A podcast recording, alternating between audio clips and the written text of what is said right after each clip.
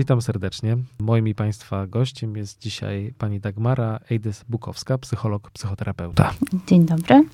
Będziemy rozmawiać o hospicjach perinatalnych. To jest temat skomplikowany i trudny, przynajmniej tak mi się wydaje. Ja kiedy przygotowywałem się do, e, do tej rozmowy, to postanowiłem sprawdzić w tej najbardziej takiej popularnej internetowej encyklopedii, jaka jest definicja hospicjum perinatalnego.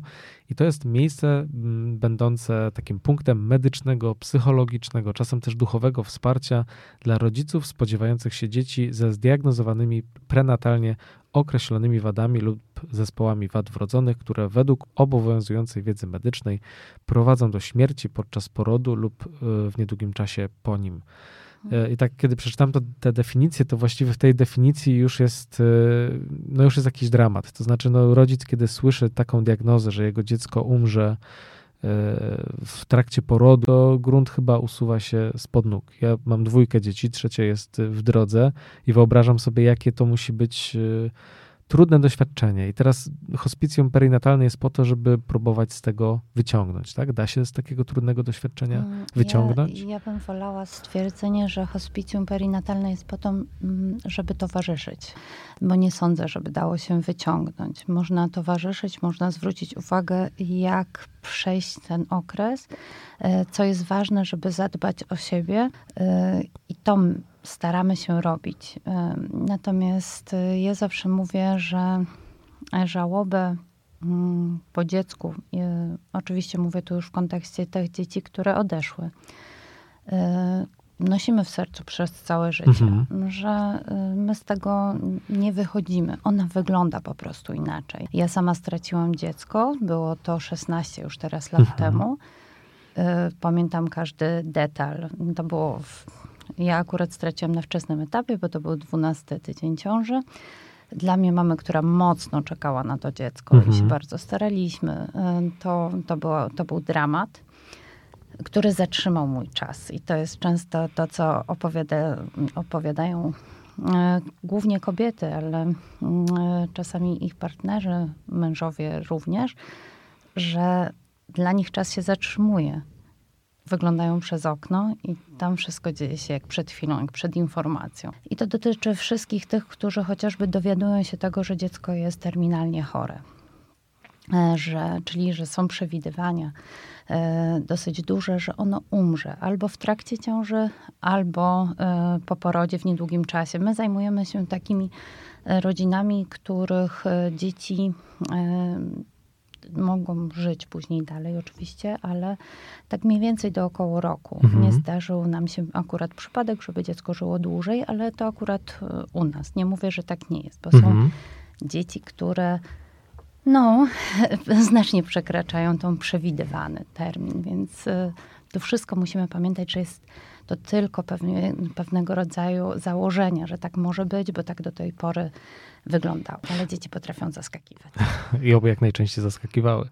E, I właśnie, bo tak jak czytałem tę definicję, to wsparcie medyczne, psychologiczne, to, to, to są chyba dwa takie filary, to duchowe też, no ale rozmawiamy przede wszystkim o tym psychologicznym i medycznym.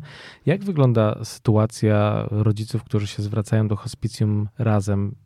Na co mogą liczyć? Czego mogą oczekiwać? Jakie wsparcie mogą uzyskać? Mogą oczekiwać e, wsparcia psychologicznego, e, mogą oczekiwać wsparcia medycznego w takim aspekcie, że mamy współpracujących z nami lekarzy ginekologów mhm. E, i genetyków, więc tu też jak się zgłoszą, poinformują, że szukają takiej pomocy, to my przekierowujemy. I mogą oczekiwać oczywiście wsparcia duchowego również mamy. Mhm E, księdza, który z nami współpracuje. Jeżeli jest potrzebna taka rozmowa duchowa, mhm. to jak najbardziej. E, I, I właściwie ta droga e, jest dedykowana dla każdej pary od razu, to znaczy każdy, kto się zgłosi, już może liczyć na natychmiastową pomoc, czy tak jak to znamy z naszych placówek medycznych, często bywa, trzeba czekać? Mhm. U nas jest to mocno przyspieszane. Mhm. Różnie e, rodzice się na to decydują, dlatego że wielu z nich ufa swoim lekarzom, mhm. nie chcą zmian. E, ale czasami chcą skonsultować. To, to też nie jest kwestia braku zaufania, ale pewnego rodzaju no, szukają różnych e, rozwiązań, zobaczenia, jak to ktoś inny oceni, czy będzie jakakolwiek różnica albo przekierowanie do innej placówki. My mhm. czasami, e, oczywiście, że też jest tak, że, się, że przekierowujemy do placówek poza nasze województwo, tak? Jak są potrzebne jakieś skomplikowane operacje, które ratują życie, tak? Bo tak też się zdarza. Mhm. Więc tu, gdzie jest mm, jakiś ośrodek bardziej się specjalizuje w jakimś obszarze, to tam zostaje przekierowany. I tam nie zawsze oczywiście mamy możliwości przekierowania e, kogoś, e, żeby było szybciej natomiast no, wiemy też, jak już kierować, więc mhm. to jest też myślę, że dosyć istotne. No właśnie to, o czym pani mówiła, to znaczy E, ważne jest e, to, co czuje kobieta, no to chyba jest w centralnym w ogóle e, miejscu, ale ważne jest też to, czy wspierają ją osoby najbliższe, partner, mąż, mhm.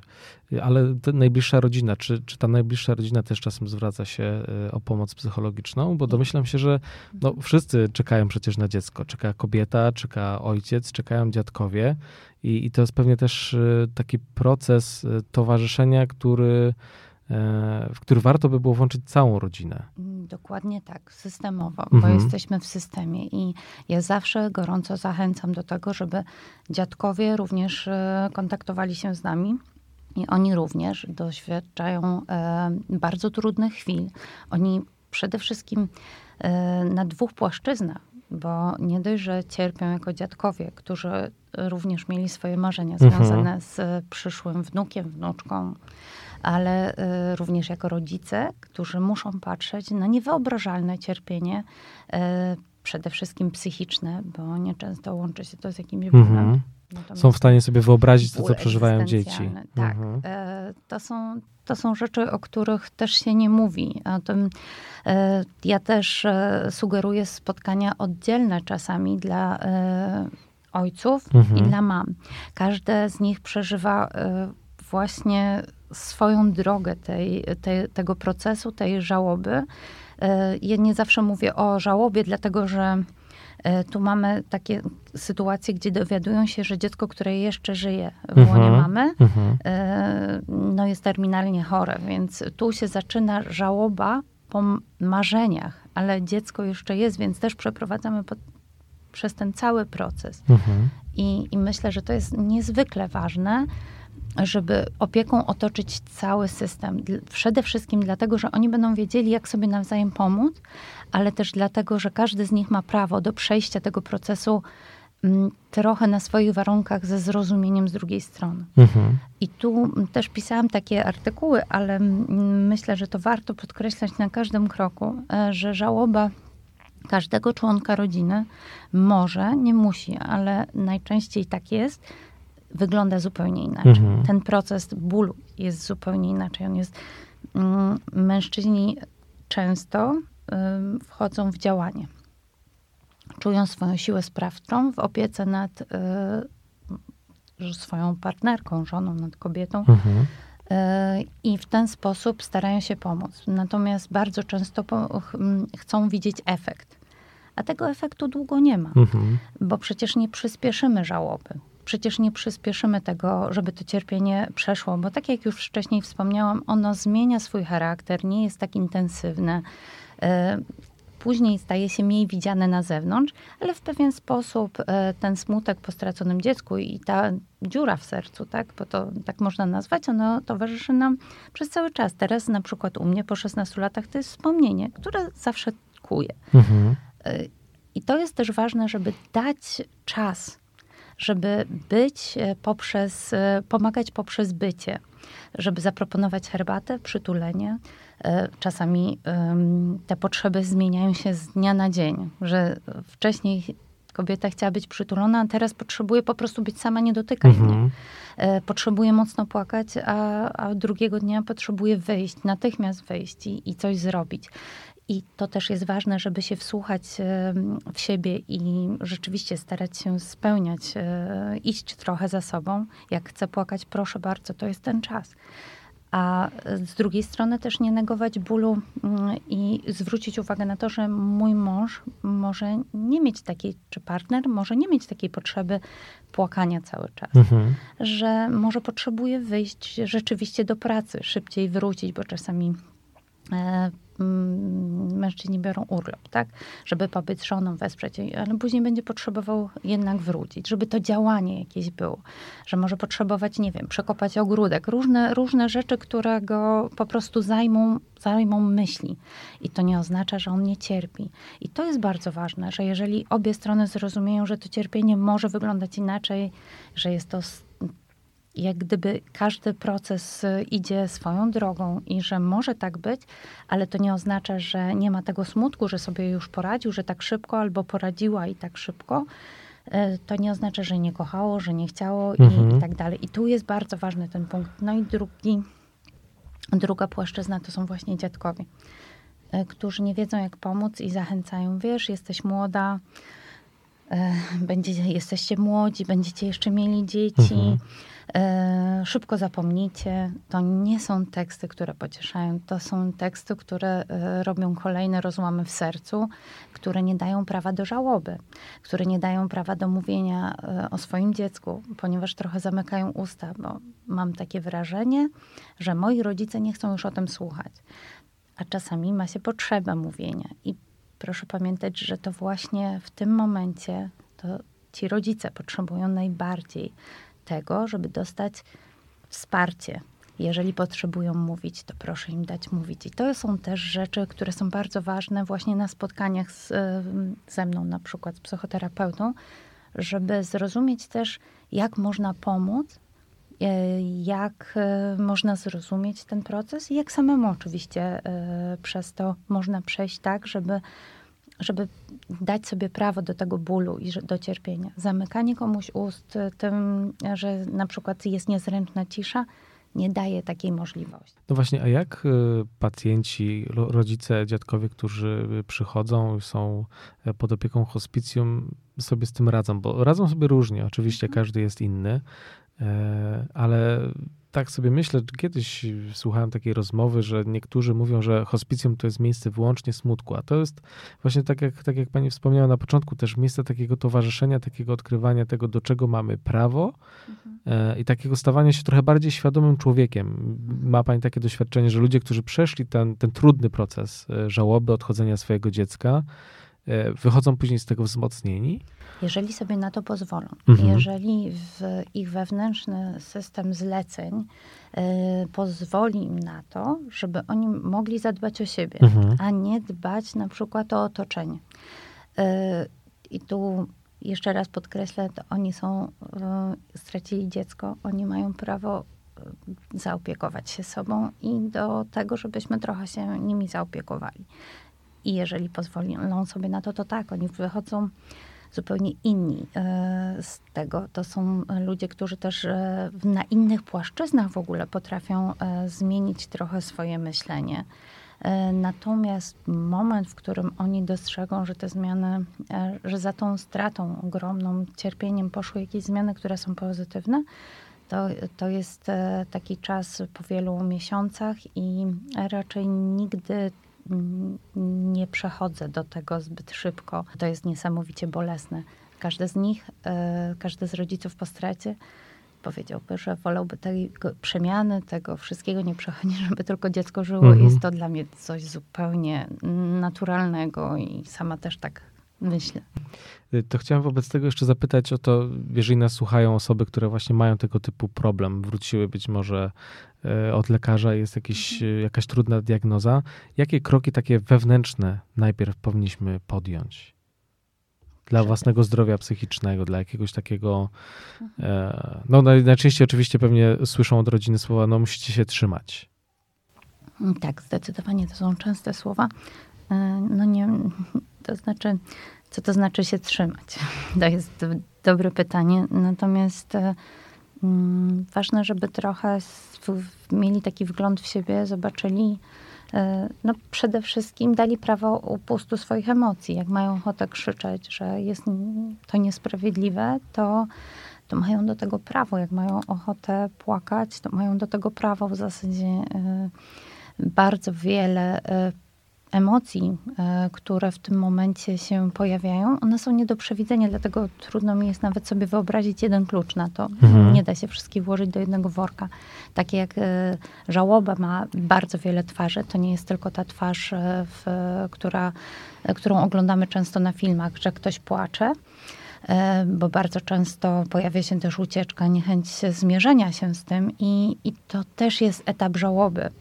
E, natomiast ludzie sobie to różnie wyobrażają, ale wracając do pytania, to po prostu mają sobie dać prawo do tego przeżycia tych emocji. To no, nie myślę, że to się nawet nad tym nie zastanawiają. Po prostu się to wszystko, te emocje są tak silne, że, że to idzie. Nie, rzadko ktoś aż tak kontroluje siebie, żeby to wstrzymać. Y, bo pani ma doświadczenie pracy z, y, właśnie z takimi rodzinami. Ile takich y, sytuacji, ile takich pacjentów zgłasza się mniej więcej w ciągu roku po tego typu pomoc? Mm, to bywa bardzo różnie. W zasadzie, tak szacując, około 20-30 to myślę, że naprawdę mm, to już był w takim, w takim roku, gdzie mhm. naprawdę dużo osób się zgłosiło.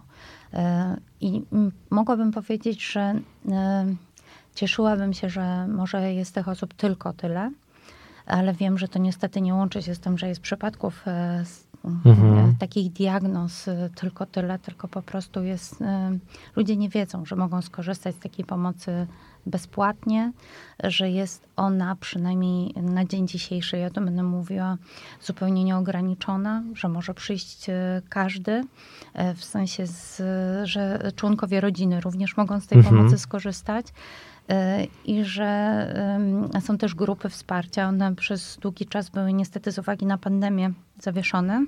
Nawet nie tyle dlatego, że my tak bardzo chcieliśmy, e, tylko grupa ma sens, jeżeli przyjdzie co najmniej trzy osoby poza mną. E, a z uwagi na pandemię wiele osób się jednak mhm, bało, no wycofywało, no wobec czego to wstrzymaliśmy, ale od września chcemy ruszyć ponownie.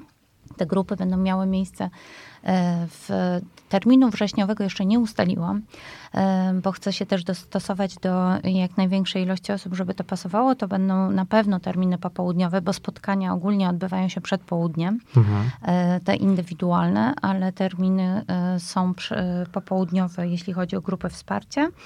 I to będzie raz w miesiącu e, na ulicy Świętojańskiej 1, a kiedy to można na stronie hospicjum monitorować. A my też będziemy aktualizować informacje Dziękuję. w razie czego. Dziękuję bardzo. Od razu zapewniam. Także na pewno, na pewno we wrześniu ruszamy, bo też jest taka potrzeba. Mam nadzieję, że pary, które do nas trafiają, mają poczucie tego, że zawsze chętnie zostaną wysłuchane, że zawsze znajdziemy dla nich przestrzeń, że jeżeli jest taka potrzeba, to ja zawsze daję swój numer telefonu i jeżeli nie mogę się spotkać osobiście, to rozmawiam przez telefon, bo czasami się tak dzieje, że ktoś ma nagłą potrzebę. Ja się wtedy staram w miarę możliwości yy, po prostu być. Zdarzało się, że przyjeżdżałam do szpitala na Polnej jako kuzynka. bo tylko tak w danym okresie mogli mi wpuścić, bo pani bardzo potrzebowała, żebym przy niej mhm. była. I dla mnie to było bardzo ważne. I personel wiedział. Taka milcząca zgoda. Ale chodziło o to, żebym, żebym mogła wejść. I ja się na to decydowałam, bo ta osoba mnie potrzebowała. I staram się być. Staram się towarzyszyć, y, a nie na siłę y, pocieszać. To nie jest droga. Pocieszanie nie jest drogą w tym momencie, bo to nie, to właśnie to słowo towarzyszenie jest chyba tutaj najważniejsze rzeczywiście. Więc wszystkich, którzy nas słuchają, którzy będą czytać też może tekst, do, do czego zachęcamy, e, niech wiedzą, że nie są sami, że mogą, że są miejsca, około chyba dwudziestu kilku w Polsce, w największych miastach, e, hospicjów perinatalnych, gdzie otrzymają pomoc za darmo, praktycznie od razu z miejsca. Więc każdy, kto stoi przed takim dylematem, kto znalazł się w takiej sytuacji, no dramatycznej, jakby nie patrzeć, może uzyskać pomoc. A w Poznaniu, gdzie konkretnie? Grupy wsparcia są tam, gdzie powinny być, czyli na Świętojańskiej 1, e, ale ponieważ e, ja wplotłam to w swoje godziny w pracy, e, wszelakiej, jakiej mogłam dać i chcę się spotykać w jednym miejscu, więc bardzo serdecznie zapraszam na ulicę Libelta 27, mm, gabinet A10. Numer telefonu jest na stronie podany. I y, bardzo proszę umawiać się telefonicznie jednak, bo wtedy łatwiej mi jest dla Państwa rzeczywiście wygospodarować tą godzinę. Y, czyli pomoc jest w centrum Poznania. I mhm. obydwie, obydwa miejsca są w zasadzie w obrębie Starego Miasta. We wszystkich dramatycznych sytuacjach, jakiekolwiek hmm. by nas nie spotkały związane z przebiegiem ciąży, jestem przekonany, że pewnie hospicjum pomoże, a przynajmniej wskaże drogę, hmm. jak nie wyjść z sytuacji, bo z niektórych sytuacji nie ma wyjścia, ale jak, jak to dobrze przeżyć. Mhm. Bardzo dziękuję Zawsze za tę rozmowę. Pomogę. Dziękuję ślicznie.